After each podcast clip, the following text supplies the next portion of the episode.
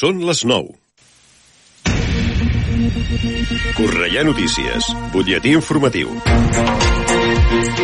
Molt bona nit, els parla Verónica Tomico.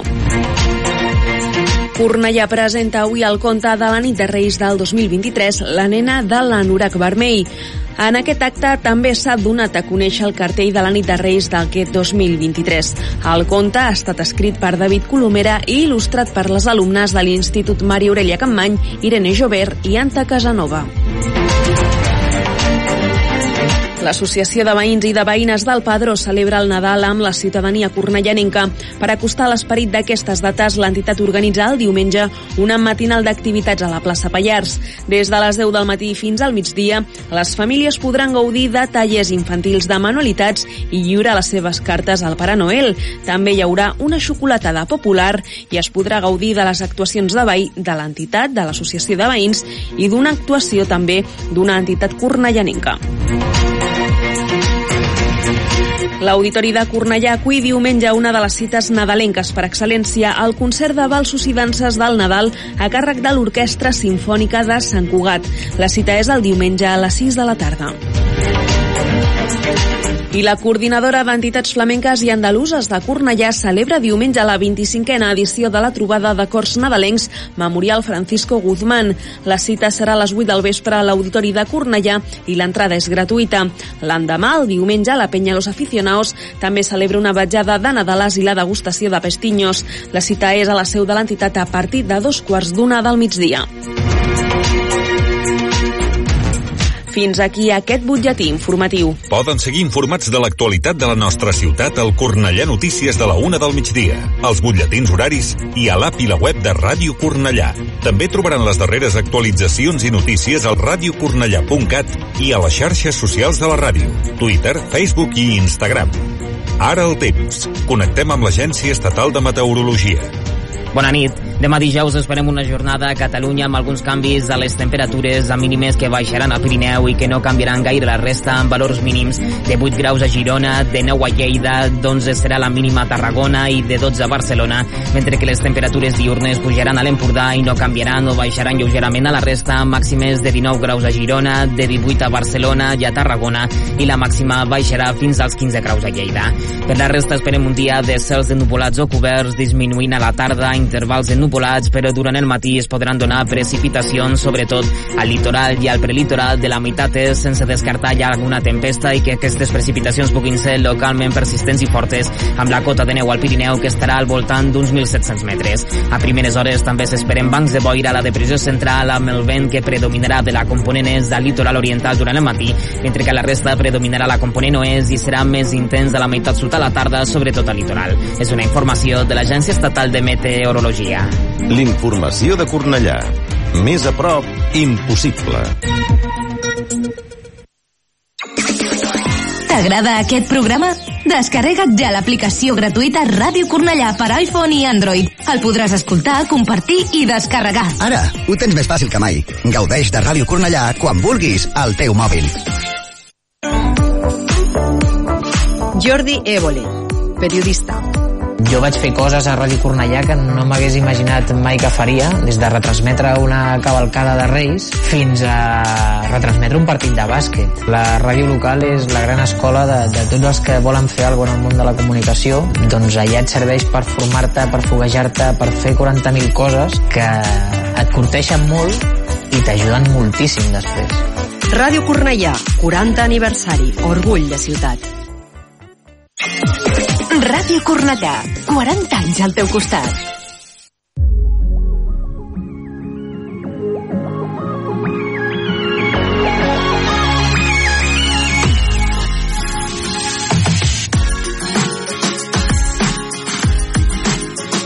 Ara comença Let's Go Creu Roja, mitja lluna roja i cristal roig, amb el patrocini de Conxeroria Montserrat. ...14 de diciembre de 2022. Bona nit, Rosa Maria Pastor. Bona nit. Bona nit, Marc Fort. Ens trobem novament amb el programa de Creu Roja, l'hora de Creu Roja, el dimecres 14 de desembre de 2022 i parlarem de moltes coses com sempre. 40 anys de lluita contra el virus de la immunodeficiència, l'UVIH, el virus causant de la sida. Uh, parlarem del Fons Salvavides de la COP27, que és un conveni marc de les Nacions Unides sobre el canvi climàtic. L'amistat no té edat, ja veureu el per què. L'amistat entre una voluntària i un, uh, i un usuari de, de Creu Roja. Parlarem de que la nostra història sempre ha tingut algo que, alguna cosa a veure amb el, amb el país, amb un país de, de migrants.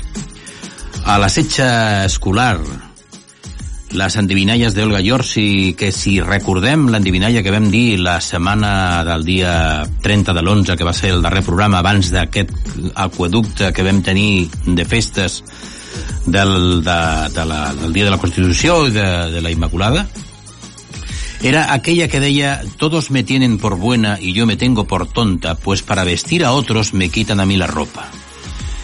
Es tracta d'un animal, evidentment, i el que s'ha de saber és quin animal és. Todos me tienen por buena y yo me tengo por tonta, pues para vestir a otros me quitan a mí la ropa. Esta es la adivinanza de Orga Yorsi, que siempre nos sorprende y hoy tendrá la nuestra también, o sea, la, la de la semana siguiente. Y finalmente hablaremos, entre otras cuestiones, sobre hay algunas partes del cuerpo que solicitan siempre cosas. Y aunque parezca extraño, pues igual que hay, hay partes de órganos del cuerpo que piden oxígeno, otras piden aminoácidos, otras piden vitaminas, etcétera, etcétera, hay quien pide y pide lácteos y son los dientes. Y hablaremos de eso, precisamente, de cómo alimentar los dientes con lo que están pidiendo día a día ¿eh? por la función que tienen de alimentación al resto del cuerpo. Reflexiones y cuentos de cierre serán precisamente eso, el cierre del programa de hoy, pero como todavía queda mucho tiempo y empezamos con los consejos, vamos a hablar de primeros auxilios de Cruz Roja. No t'imagines com de valuós pot ser un gest a la teva empresa. Un somriure que motiva, un senyal d'aprovació que orienta, una compressió al pit que ajuda a recuperar una parada cardiorrespiratòria. Ensenya al teu equip els gestos més valuosos. Informa't i contracta els cursos de primers auxilis per a empreses a cruzroja.es o al 902 22 22 92. Aprèn a salvar vides. 40 años de prevención y sensibilización en, en, la lucha contra el VIH, el virus de inmunodeficiencia humana causante del SIDA. Cruz Roja y Cruz Roja Juventud renuevan la campaña. No es por ti, es por mí. No hay excusas. Una protección en tus relaciones. Cruz Roja comenzó a principios de los años 80 a trabajar en la atención de personas afectadas por el VIH, así como en la prevención y detección precoz de personas que puedan haber contraído la infección. 40 años después, Cruz Roja sigue con su compromiso de mejorar la salud de las personas y trabaja para seguir cambiando la percepción social de las personas que viven con, con VIH, es decir, con SIDA. Como parte de estas actividades destacan la sensibilización en aspectos relacionados con el VIH, vías de transmisión, conductas de riesgo, pruebas de detección, unidades móviles, etc. En todo el territorio, además, a través de acciones informativas, formativas, campañas de información, multicanales, etc. La sensibilización es fundamental para eliminar el estigma y la discriminación que puedan llegar a sufrir. Desde Cruz Roja y Cruz Roja Juventud se ha relanzado la campaña de prevención de infecciones de transmisión sexual. No es por ti, es por mí. No hay excusas usa protección en tus relaciones, una acción de sensibilización de la organización que recuerda que el VIH y el SIDA se ha llevado la vida de más de 36,3% de millones de personas y en torno a un 79,3 millones han contraído la infección del VIH.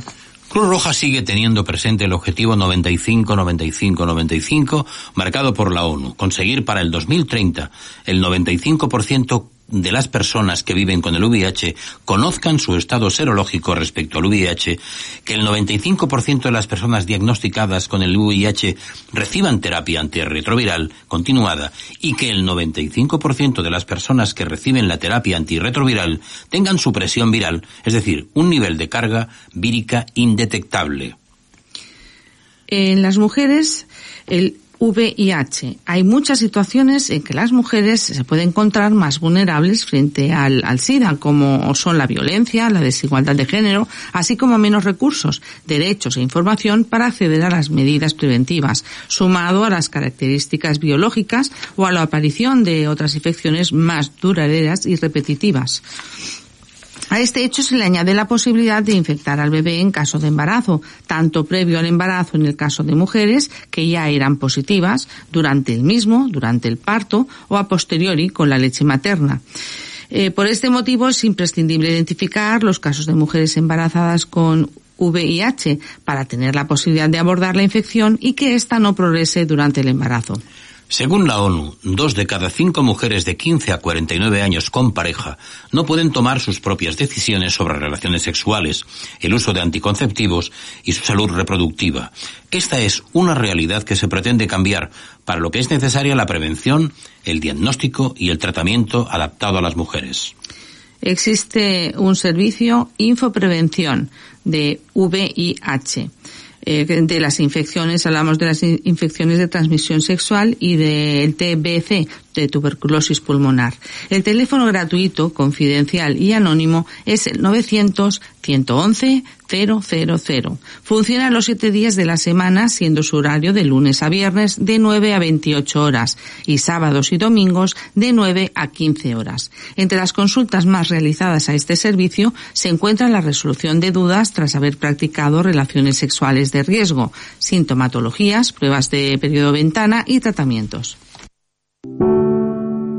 Ansiedad, insomnio, depresión. Llamar a las cosas por su nombre es de valientes. Pedir ayuda, si lo necesitas, también. Cruz Roja te escucha. Llámanos 900 107 917.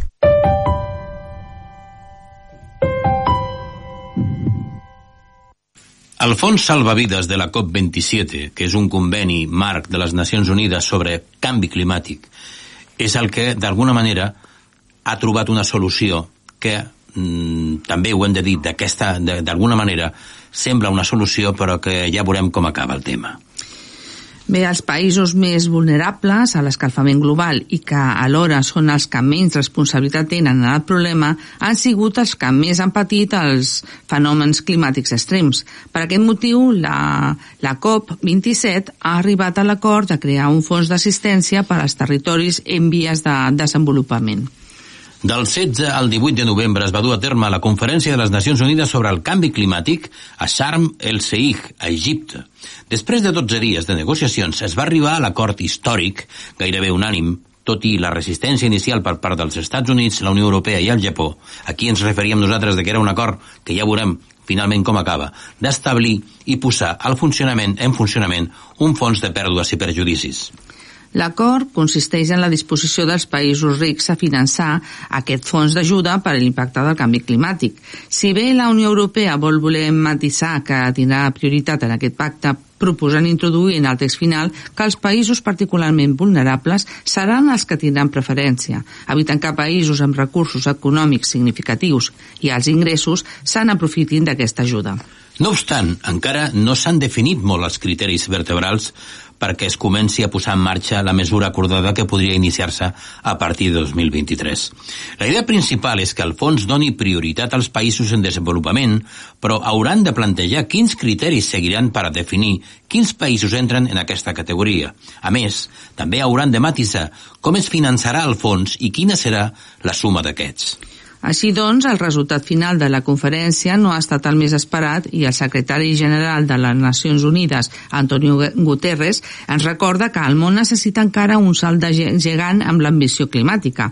Un fons per a les pèrdues i danys és essencial, però no és la resposta a la crisi que amenaça amb esborrar el mapa dels països illa o convertir tota Àfrica en un desert.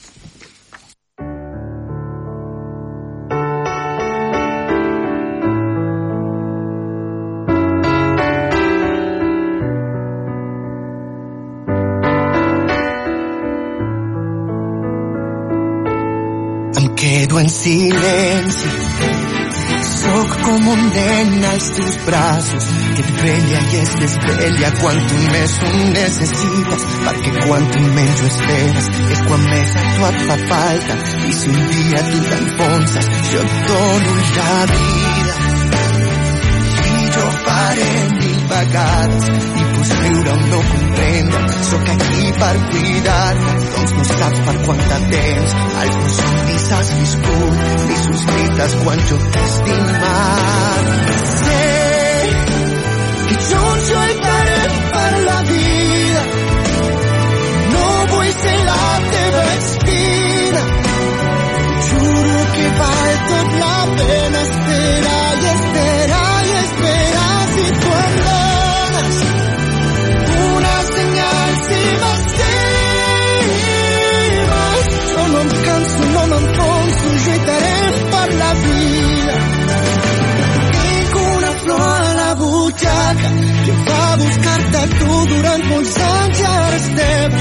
Fa olor d'aquell perfum que em va portar la primavera.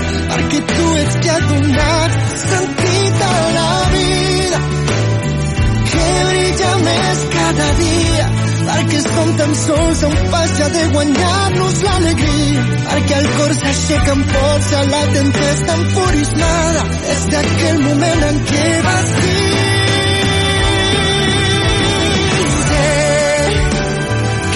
sé que la vida. No vull ser la teva espina juro que val la pena. Esperar i esperar i esperar si tu em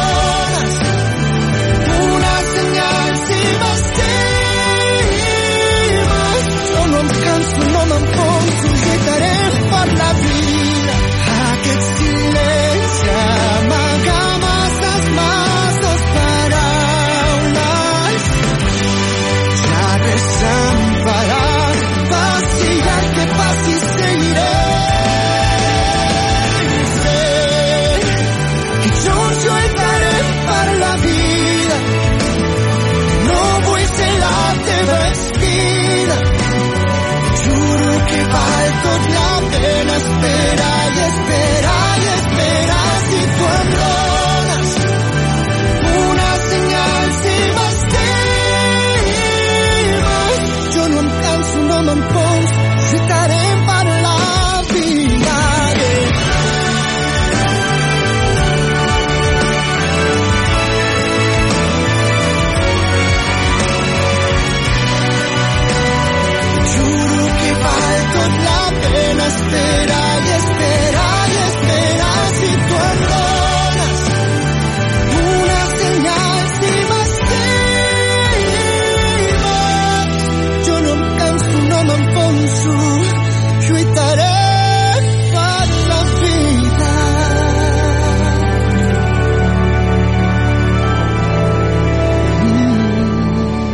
21 hores 17 minuts al programa de l'Hora de Creu Roja, al 104.6 de la FM, Ràdio Cornellà, i tenim concretament que parlar de que l'amistat no té edat.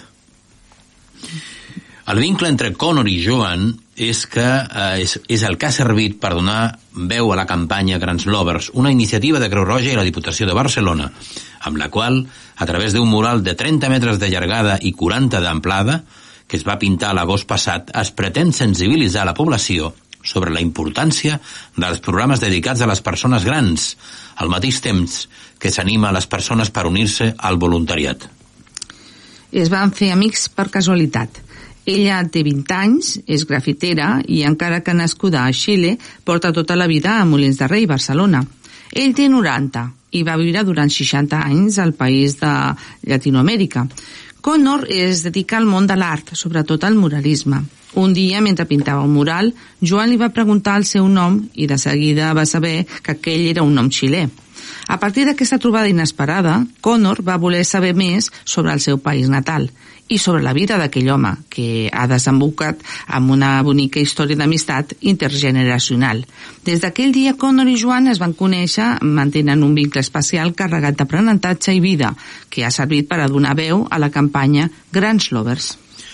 No hi havia ningú que passés per allí i no mirés. Quan em vaig adonar d'això, em vaig sentir molt especial i quan baixava de la grua i la gent em preguntava, a mi m'encantava. Els explicava que era un mural amb l'objectiu de visibilitzar a les persones grans i sensibilitzar a la gent jove per aconseguir que s'apuntessin com a voluntaris i voluntàries, afirma Connie. M'agrada molt passar temps amb les persones grans. Al final ens han donat tot, per tant, arriba un punt que avui per tu, demà per mi, comenta la jove demostrant que l'amistat no entén d'edats. Gràcies a les més de 800 persones voluntàries que treballen en programes relacionats amb les persones grans, Creu Roja a Barcelona ha donat la mà a 6.755 persones en l'any 2022, amb l'objectiu de combatre situacions de vulnerabilitat, fomentar la independència i promoure la participació dels usuaris i usuàries en espais socials.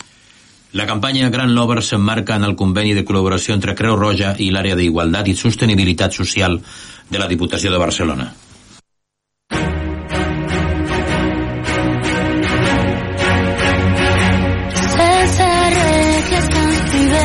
Sense som.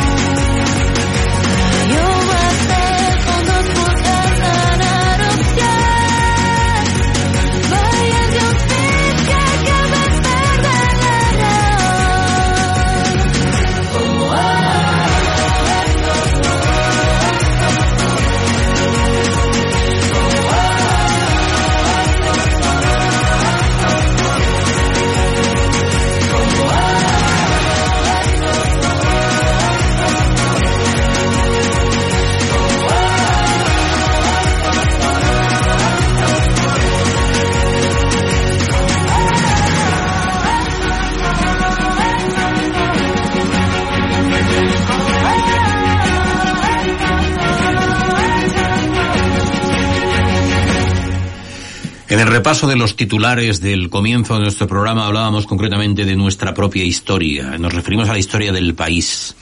La historia de que somos un país de migrantes. E incluso no hemos de olvidar que somos y casi seguimos siéndolo, porque si nos remontamos a noticias que casi son actuales porque hace poco que ocurrieron, nos dimos cuenta de que había mucha gente que acababa su formación, su carrera y tenía que marchar fuera del país porque no tenía oportunidades de trabajo en, el, en este, en el que estamos.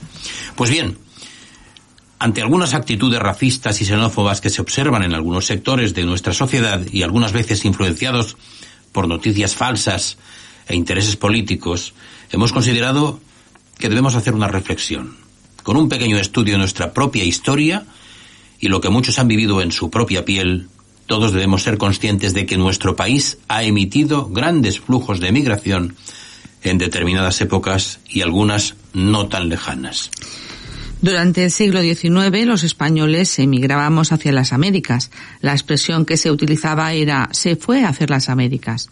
De este hacer las Américas proceden algunas de las fortunas de aquellos a los que se les llamaba indianos cuando regresaban a España. En este momento y a partir de 1853 el gobierno de aquella época fomentaba la inmigración hacia América, ya que era una forma de mantener el control de las colonias que nos quedaban en esos territorios. Durante el primer tercio del siglo XX, entre 1900 y 1930 aproximadamente, en España la mortalidad había disminuido y había altos índices de natalidad. Por lo general, las familias solían ser muy numerosas, seis, siete, incluso ocho hijos. Cuando esa generación de población más abundante alcanzó la edad de trabajar, al no encontrar en nuestro país salidas laborales, la base de la economía en aquellos tiempos era la agricultura principalmente, con grandes latifundios en Andalucía y Castilla, de un solo propietario y pequeños minifundios en el norte del país y la industria a inicios del siglo XX era incipiente, esta generación tuvo que buscar trabajo en otros países. Jóvenes y no tan jóvenes. En este periodo emigraron hacia América, hacia Europa y hacia otros países del norte de África. La población inmigrante en este periodo, según las zonas, tendía a emigrar a lugares muy concretos, por ejemplo, Galicia, Asturias, País Vasco, Santander y Canarias. Tenían tendencia a ir a América, Argentina, Chile, Brasil y Cuba. Por otra parte, Levante, Andalucía Oriental y principalmente murcianos emigraban hacia el norte de África, como Argelia, Marruecos. Las investigaciones recientes calculan que durante este periodo hubo algo más de, de cuatro millones y medio de españoles que emigraron. Eh, muchos de ellos nunca más volvieron a nuestro país. Entre 1936 y 1939 la Guerra Civil Española dio origen a otro flujo de emigración, el exilio republicano. Se trata de otro tipo de migración que por persecución ideológica se repartieron en diferentes países de Europa y América. Fue una emigración masiva. Muchos de ellos se vieron recluidos en campos de concentración franceses y se vieron obligados a realizar trabajos forzosos durante el gobierno de Vichy. Incluso una parte de ellos fueron encerrados en campos de concentración nazi durante la Segunda Guerra Mundial, padeciendo todo tipo de penalidades. Entre los años 60 y 70, España y Alemania firmaron un convenio que permitió emigrar a más de 600.000 españoles hasta 1973. El milagro económico alemán, tras la recuperación económica de la Segunda Guerra Mundial y la escasa mano de obra para alimentar una industria pujante, necesitó crear puestos de trabajo y favoreció la inmigración.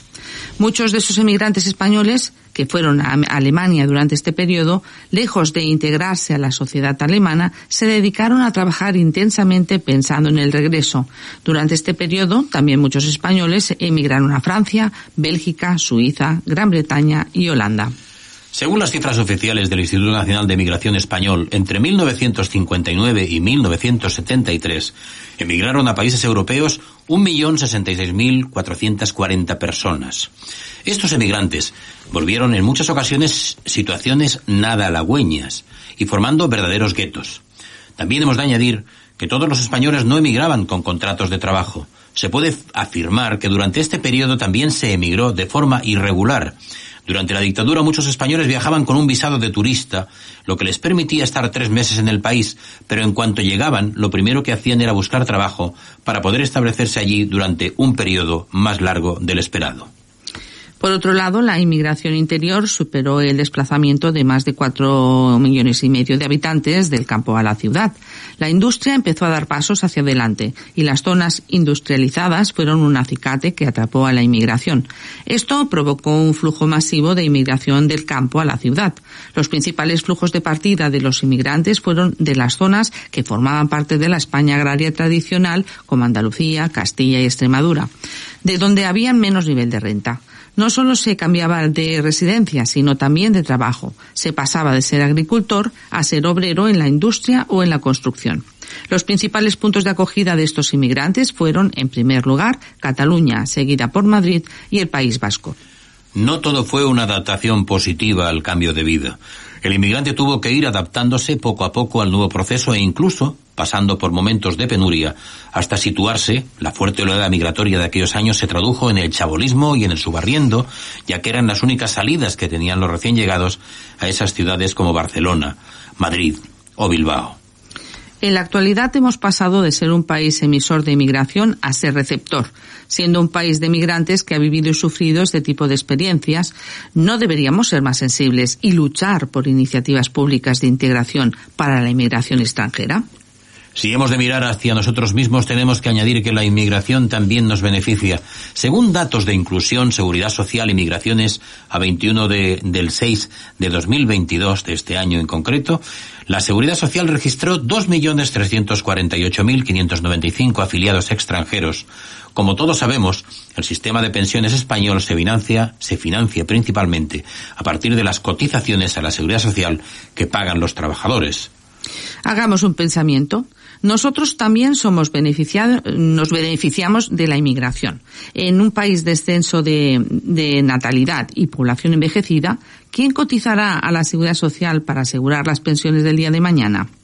Por eso nosotros hemos dado la noticia, hemos eh, comentado el tema y también incluso abrimos, si hay posibilidad a nuestros oyentes, a que puedan participar de alguna manera en explicar sus vivencias como inmigrantes se pueden poner en contacto a nuestro teléfono, el 666 88 88 21, mediante un audio, mediante cualquier sistema de comunicación, 666 88 88 21, puede ser también WhatsApp escrito, incluso puede ser SMS, para contarnos o contactar con nosotros y explicarnos sus vivencias como inmigrantes. 21 horas 31 minutos en la hora de Cruz Roja.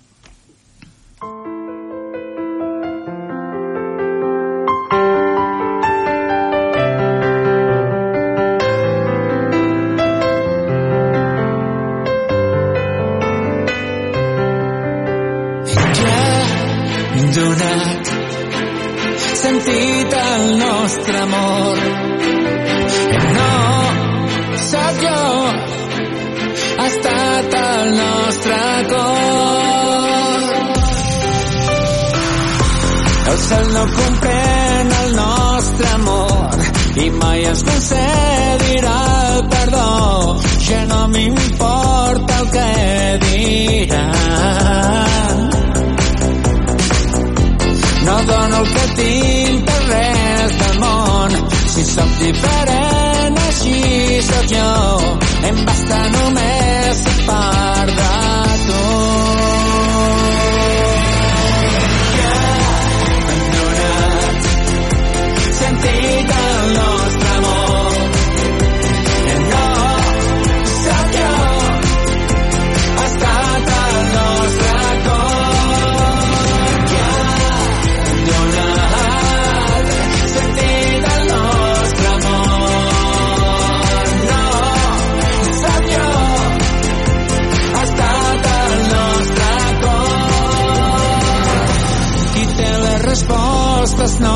sóc jo. Deixeu que ells em vegin tal com sóc. La meva defensa és la veritat. Parlar dels meus drets avui és somiar.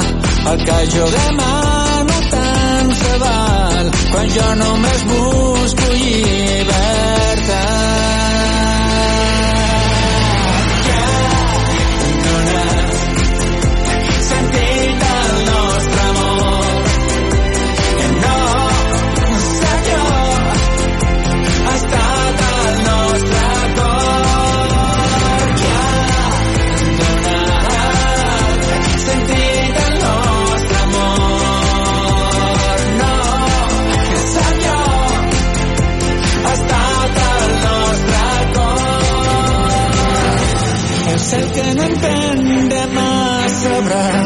Que sentir-me així no basta. També necessito el seu perdó.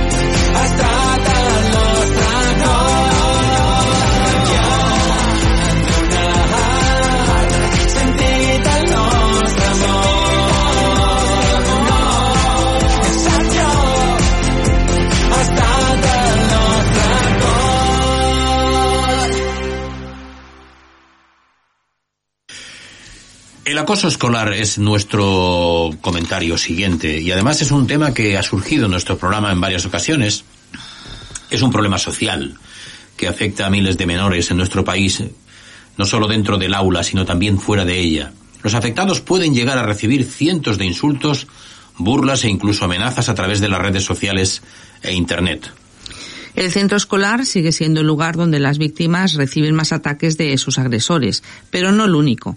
De hecho, el ciberbullying supone ya el 18% de los casos de acoso escolar, según un reciente informe de la Fundación ANAR, patrocinado por Mutua Madrileña, siendo a su vez coprotagonista, junto con el presencial, en otro 26,7% de los ataques. Por ello es clave aprender no solo a prevenirlo, sino también a combatirlo, implicando a todos y cada una de las personas que puedan ser parte de la solución, entre las que se incluyen también los espectadores o testigos. Graciela Sánchez es responsable del Departamento de Colegios de la Fundación ANAR y nos comentaba que no cabe duda de que como sociedad hemos avanzado bastante en este tema. Tenemos una mayor sensibilización y una mayor capacidad de identificación, pero tenemos que seguir buscando soluciones y educando en valores. Además de fomentar el respeto por el otro y por las diferencias o la conciencia social, también es importante promover la educación digital. Y es que el 95% del profesorado considera el uso indebido de las redes sociales y las nuevas tecnologías como el principal factor de riesgo para que se produzca el acoso escolar. Resulta especialmente preocupante que en las tres plataformas más utilizadas para realizar acoso virtual a menores, como son WhatsApp en un 66,9%, Instagram en un 53,1% y TikTok en un 48,6%, pues haya crecido el número de casos en el último año. Unas redes a las que suman también eh, Twitch y Facebook, especialmente en primaria, con porcentajes superiores a secundaria y con un perfil de víctima aún más vulnerable debido a su corta edad. Pero, ¿quiénes están detrás de estos ataques? ¿Existe una creencia errónea de cómo es el perfil de un acosador online en base a ideas preconcebidas, pero lo cierto es que no hay uno concreto.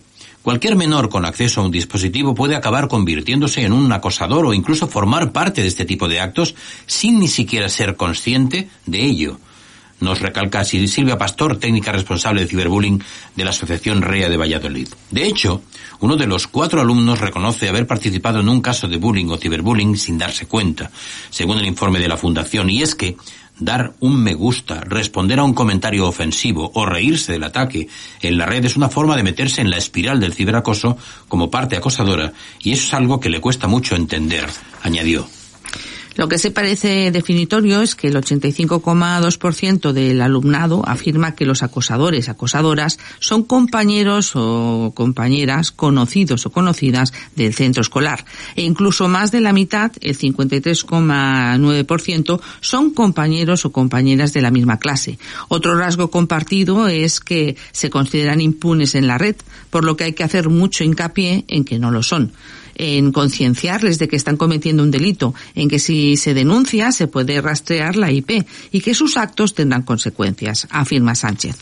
Una visión que comparte totalmente Pastor, que añade a la ecuación una mayor crueldad ante la falta de empatía, ya que al no ver eh, la reacción de la víctima, como mm, si pasa eh, realmente en el presencial, pues el acosador no es tan consciente de lo que provoca.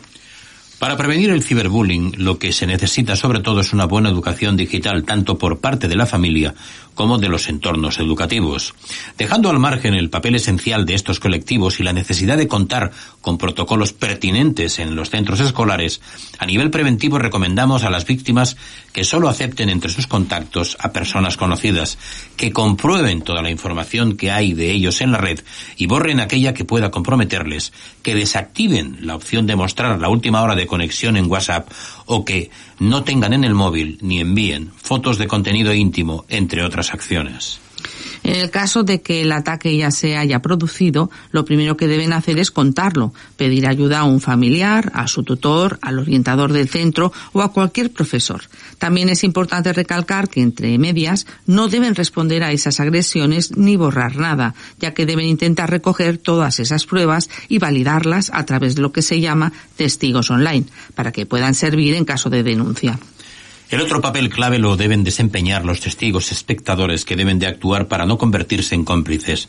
Por ello, son los destinatarios del nuevo vídeo de Por un uso, Love de la tecnología, una iniciativa de Orange que persigue una mayor concienciación y sensibilización en torno al uso indebido de los dispositivos digitales. Centrada en esa ocasión en el ciberbullying, funciona a modo de llamamiento para que estos sujetos pasivos pasen a la acción y se conviertan en parte de la solución. Y es que este tercer agente, el espectador, también necesita sensibilización y educación para entender realmente qué son estos ataques y qué puede hacer para prevenirlos o combatirlos, empezando por decírselo a una persona adulta. Lo bueno es que tiene cada vez más claro que su papel es importante y al menos a nivel teórico saben lo que tienen que hacer. De hecho, ante la presencia de un ciberataque, comunicárselo a una persona adulta eh, que actúa normalmente sobre un 29,1%, borrar la cuenta o los mensajes en un 20,9% y denunciarlo en un 20,1%. Son las tres medidas más mencionadas por los escolares en el informe de Fundación ANAR. Acciones que sin duda serán claves para poder prevenir y combatir el ciberbullying entre todos.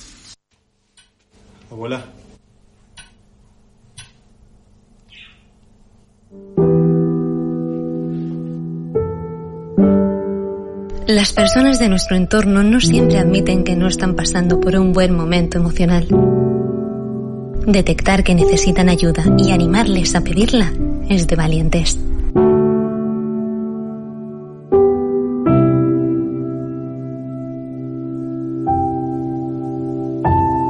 Llámanos 900 107 917.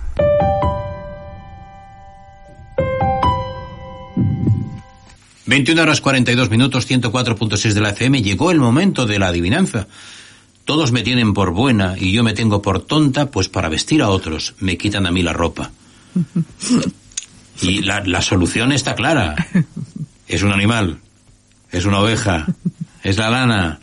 Todos me tienen por buena y yo me tengo por tonta, pues para vestir a otros me quitan a mí la ropa.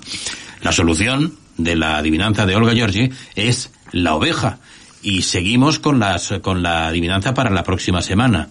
Así que prestar mucha atención. La tienes por todos lados, como barrera y pared. Mide dos metros cuadrados y es larga y ancha a la vez. Vamos a reiterarla. La tienes por todos lados, como barrera y pared. Mide dos metros cuadrados y es larga y ancha a la vez. La tienes por todos lados, como barrera y pared mide dos metros cuadrados y es larga y ancha a la vez. La solución al 666 88 88 21. Nos envías un audio al 666 88 88 21 y seguro, seguro que tienes un regalo de Cruz Roja. Así que recuerda, la tienes por todos lados, como barrera y pared. Mide dos metros cuadrados y es larga y ancha a la vez.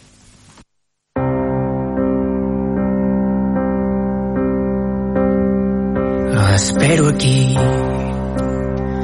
mentre un àngel és aquí amb mi. Ell coneix bé els llocs on aniré quan sigui el moment. I ell des del seu món ha vingut aquí per poder estar amb mi. I ara des d'aquí al meu llit records que em van passant i veig l'amor que va morir l'amor dels àngels ve amb mi és una sort que em protegeixi sempre sense jutjar els meus actes hagi errat o no. I sota el vel que fa aquest salt d'aigua que és ara el que ens separa estarem tu i jo. Des d'ara i sempre l'amor dels àngels ve amb mi. Ja s'acosta el fi el dolor se'n va veig el camí. Mm. jo ho crec així. Jo crec en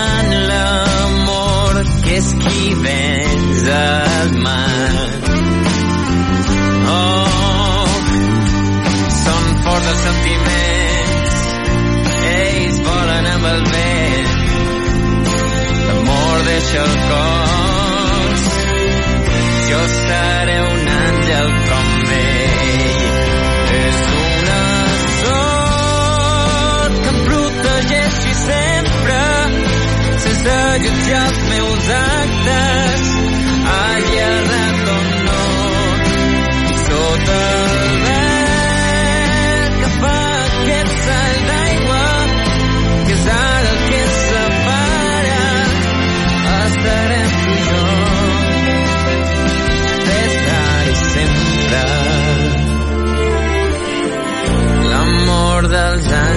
Yeah.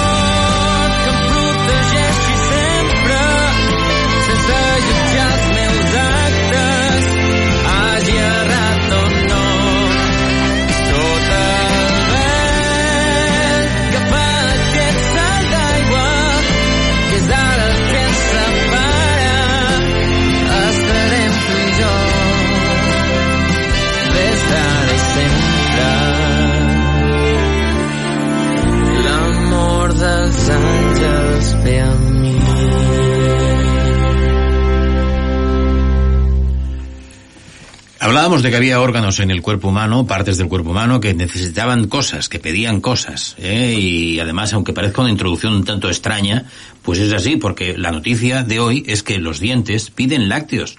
Y piden lácteos por cuatro motivos. Resulta evidente pensar que si nuestros dientes hablaran, estarían a favor de consumir productos lácteos, está claro, especialmente por esa cantidad de calcio que tradicionalmente se vincula a ellos. Quesos, leches, natas, yogures, batidos, mantequillas, todo eso es lo que piden los dientes.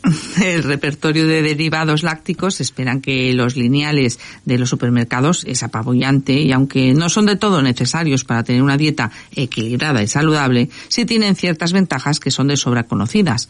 Conocida es la virtud del calcio para conformar huesos y dientes, además de proteger la salud de ambos. Pero en este caso no vamos a romper una lanza mil veces rota a favor de la ecuación dientes y lácteos, sino de otros beneficios que a veces pasan desapercibidos y que nos pueden venir muy bien si pensamos en estos cuatro grandes enemigos de tus dientes si tienes más de 40 años.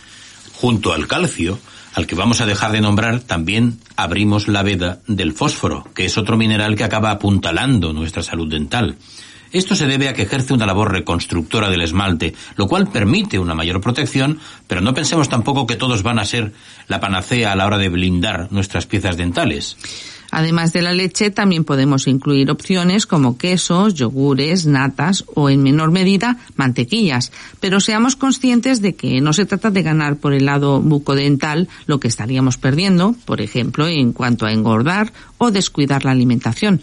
Pues un lácteo tiene bastantes ventajas, pero en demasía también tiene sus inconvenientes. Es el caso de las sales, las grasas saturadas y las proteínas en los quesos añejos, que además son muy calóricos, una trampa que también sucede con las natas y mantequillas. Por eso, si estuviéramos buscando refugio láctico para que nuestra salud dental nos aplauda, es importante que el tipo de lácteos que busquemos sea el de los menos azucarados y también que vayamos a las opciones menos calóricas y menos saladas, que siempre suelen pasar por yogures naturales, por la propia leche o por quesos bajos en sal. Pero, ¿qué beneficios nos aportan los lácteos para los dientes? Son productos con un pH neutro. Puede que por sí mismo no tengamos muy claro qué significa el pH neutro, pero sí tenemos claro que hay productos que son muy ácidos, como el café, el alcohol o las bebidas carbonatadas, que suelen jugar malas pasadas a nuestra salud dental, porque debilitan el esmalte y eso permite que luego las caries puedan campar a sus anchas. La ventaja de los lácteos es que, salvo mezclas con productos ácidos y algunos quesos de coagulación ácida, no son productos agresivos con nuestra dentadura. De hecho, lo que permite es neutralizar los productos ácidos o azucarados de nuestra comida o nuestras bebidas, así que no estaríamos ante un enemigo bucodental. Otro de los beneficios es que estimula la producción de saliva. Debido a ese carácter neutro, los lácteos, especialmente los líquidos, también favorecen la secreción de saliva, lo cual no es solo una forma de tener nuestra boca hidratada y, por tanto, de estar barriendo de forma natural a las bacterias que se agolpan entre encías, lengua y dentadura. A ello se suma la película de que la saliva genera alrededor de nuestras piezas dentales, favoreciendo también un mantenimiento y reparación del esmalte y en la propia dentina, que con los lácteos también cobra especial importancia. Son ricos en caseína. Una de las principales virtudes es la proporción de caseína, que es la proteína de la leche. Es muy habitual que pensemos solo en la lactosa como primer componente de la leche, pero la realidad es que los azúcares de la leche, es decir, la lactosa propiamente dicha, no son los únicos protagonistas de las virtudes nutricionales, sino que son minoritarios en proporción a la auténtica reina del baile, que es la caseína, o caseinato de calcio. Esta proteína de alto valor biológico es la responsable de que la leche y sus derivados sean productos especialmente proteicos y cuando lo trasladamos a la salud bucodental podemos hablar de una barrera natural que protege y endurece la superficie del diente, el famoso esmalte, y lo hace más resistente a la caries. Y otro de los beneficios es un inesperado refuerzo óseo.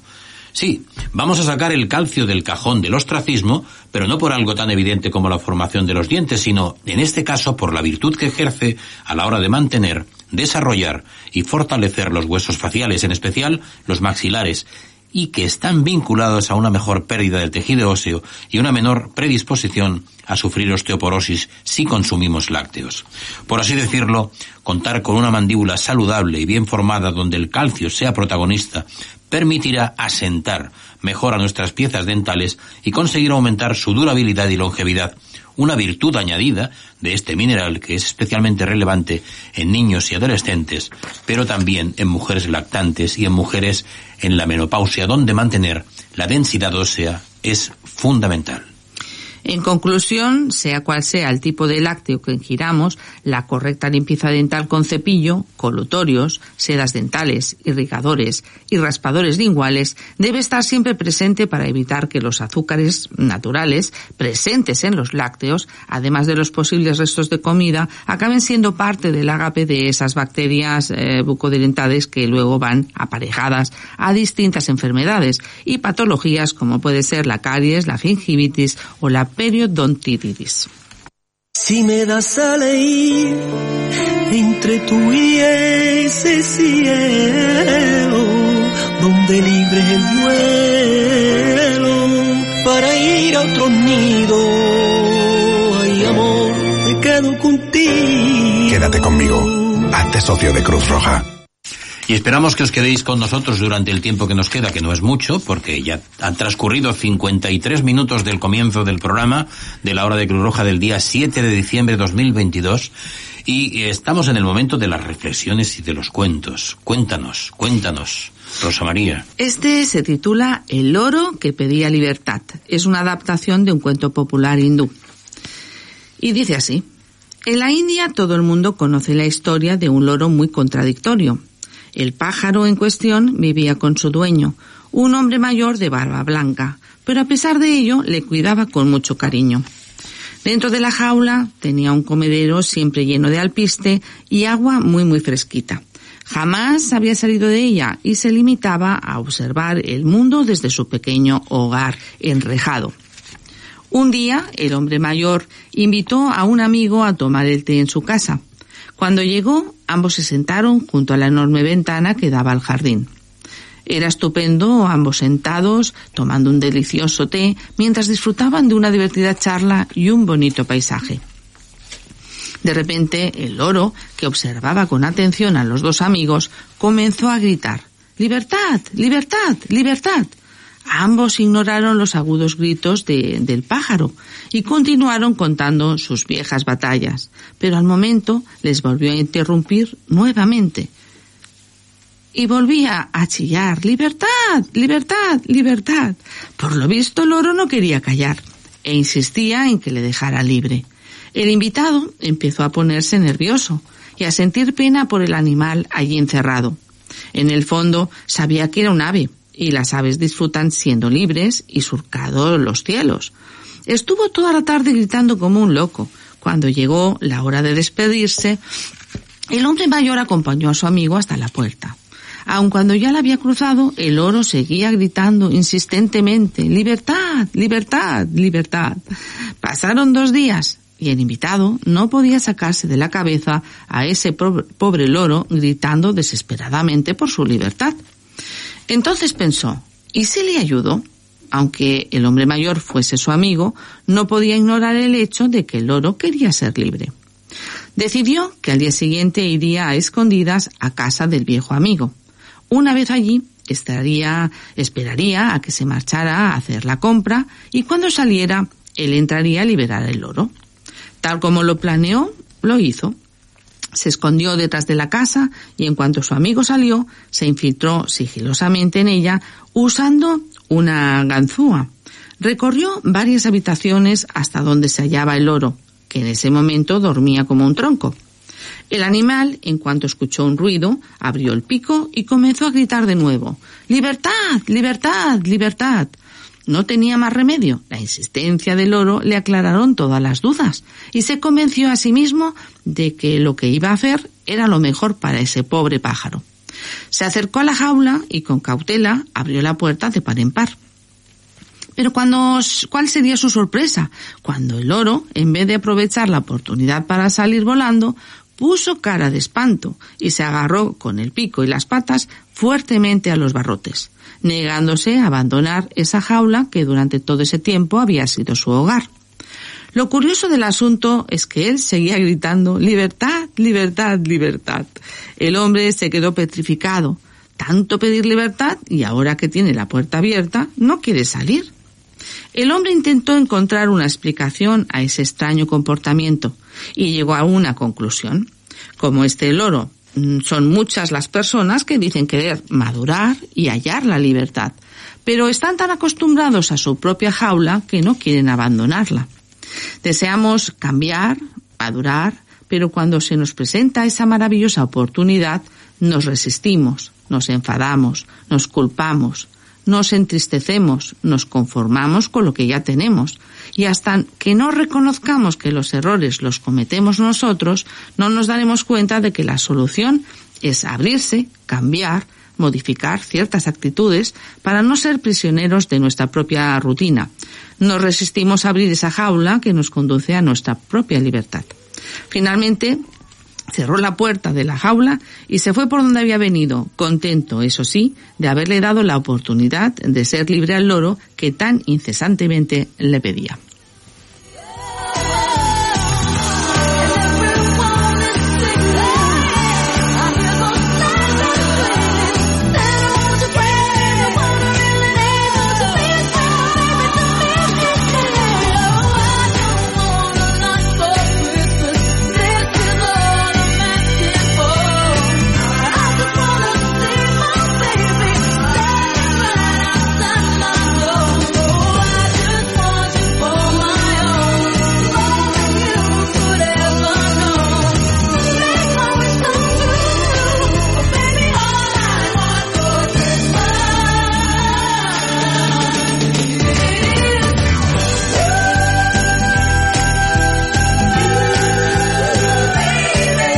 Hem arribat al punt i final del programa d'avui, del dia 14 de desembre de 2022. Hem arribat al punt i final del programa de l'Hora de Creu Roja. Ens tornem a veure el proper dimecres, dia 21, i nosaltres eh, no tenim més que acomiadar-nos i que desitjar-vos que tingueu que tingueu un bon cap de setmana i que esti estiguem tots amb molta salut, molta salut, que falta fa, molta salut perquè arribi el Nadal i ho celebrem tots junts. Bona nit, gràcies.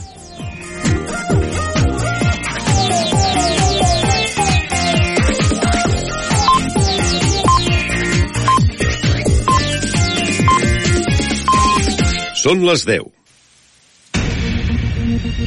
Correia Notícies, butlletí informatiu. Molt bona nit, els parla Verònica Tomico.